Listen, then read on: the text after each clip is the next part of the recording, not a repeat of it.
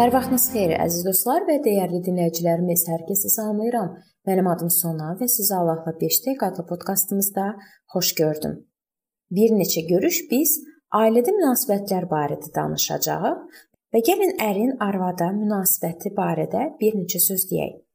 Efeslilərə 5:25-də yazılıb: Ey ərlər, Məsih imanlar cəmiyyətini sevib, onun uğrunda özünü fəda etdiyi kimi siz də arvadlarınızı sevin. Məsih imanlar cəmiyyətini sevdiyi kimi bu hökm hər bir məsihçi ərin üzərinə ciddi məsuliyyət qoyur.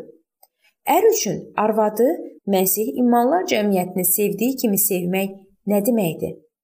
Yəqin bəzi təzə evlənmiş ərlər düşünür: "Hə, bu indi də çətin olmayacaq."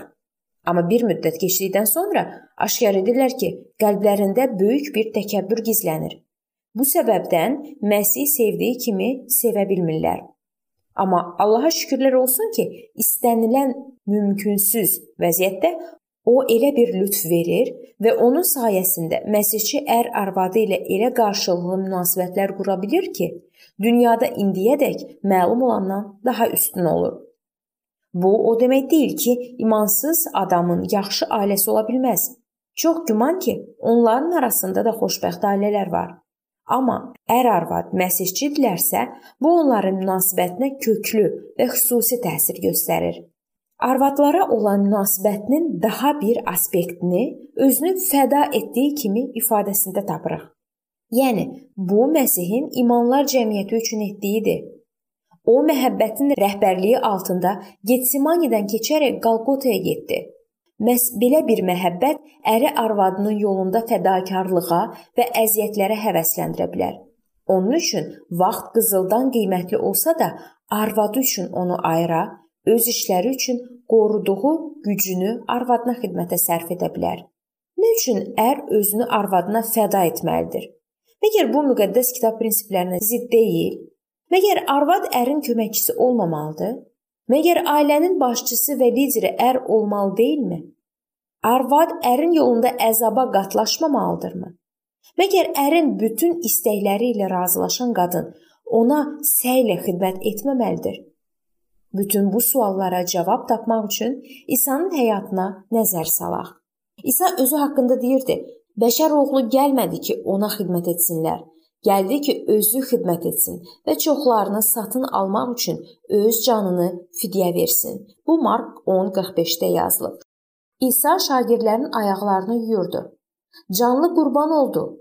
O özünü fəda etmək və daim kiməsə kömək etmək üçün yaşayırdı. Əgər ər arvadı üçün nə isə etməkdən zövq alırsa, heç şübhəsiz qadın ərinə imanlar cəmiyyəti Məsihə necə münasibət göstərirsə, o da ərinə elə münasibət göstərəcək. Həvari Paul yazırdı: Evli isə arvadını razı salmaqdan ötürü dünyəvi işlərin qayğısına qalır. 1-ci Korinflərə 7:33.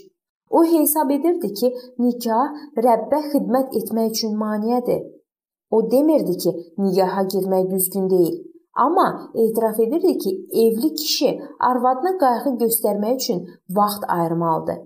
Rəbbə xidmət naminə arvadına laqeydlik göstərməyə haqqı yoxdur. Məsihçi ər arvadına xidmət sayəsində Rəbbə xidməti öyrənir.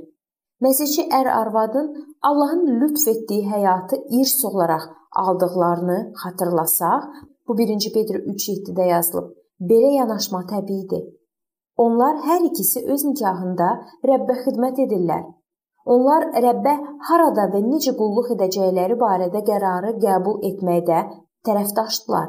Məsələn, hansı imanlar cəmiyyətinə üzv olmaq məsələsində aralarında hər ikisini qane edəcək razılıq olmalıdır.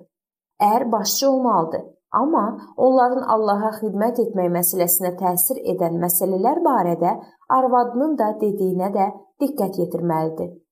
Əgər Rəbb əri imanlar cəmiyyətində xidmətə çağırsa, qadın bunu Allahın çağırışı hesab edərək xidmətçinin arvadı olmaq taleyi ilə barışmalıdır. Amma xidmətçi də xatırlamalıdır ki, o öz arvadının əridir. Bir çox hallarda məsihçi xidmət adamı vaxtının çoxunu xidmətə həsr edir və arvadına, ailəsinə qarşı laqeydlik nümayiş etdirir. Xidmət adamı arvadını unutmamalıdır və qadının qayğılarının az olmasına çalışmalıdır. Bu mövzunun davamını biz növbəti görüşümüzdə araşdırmağa davam edəcəyik.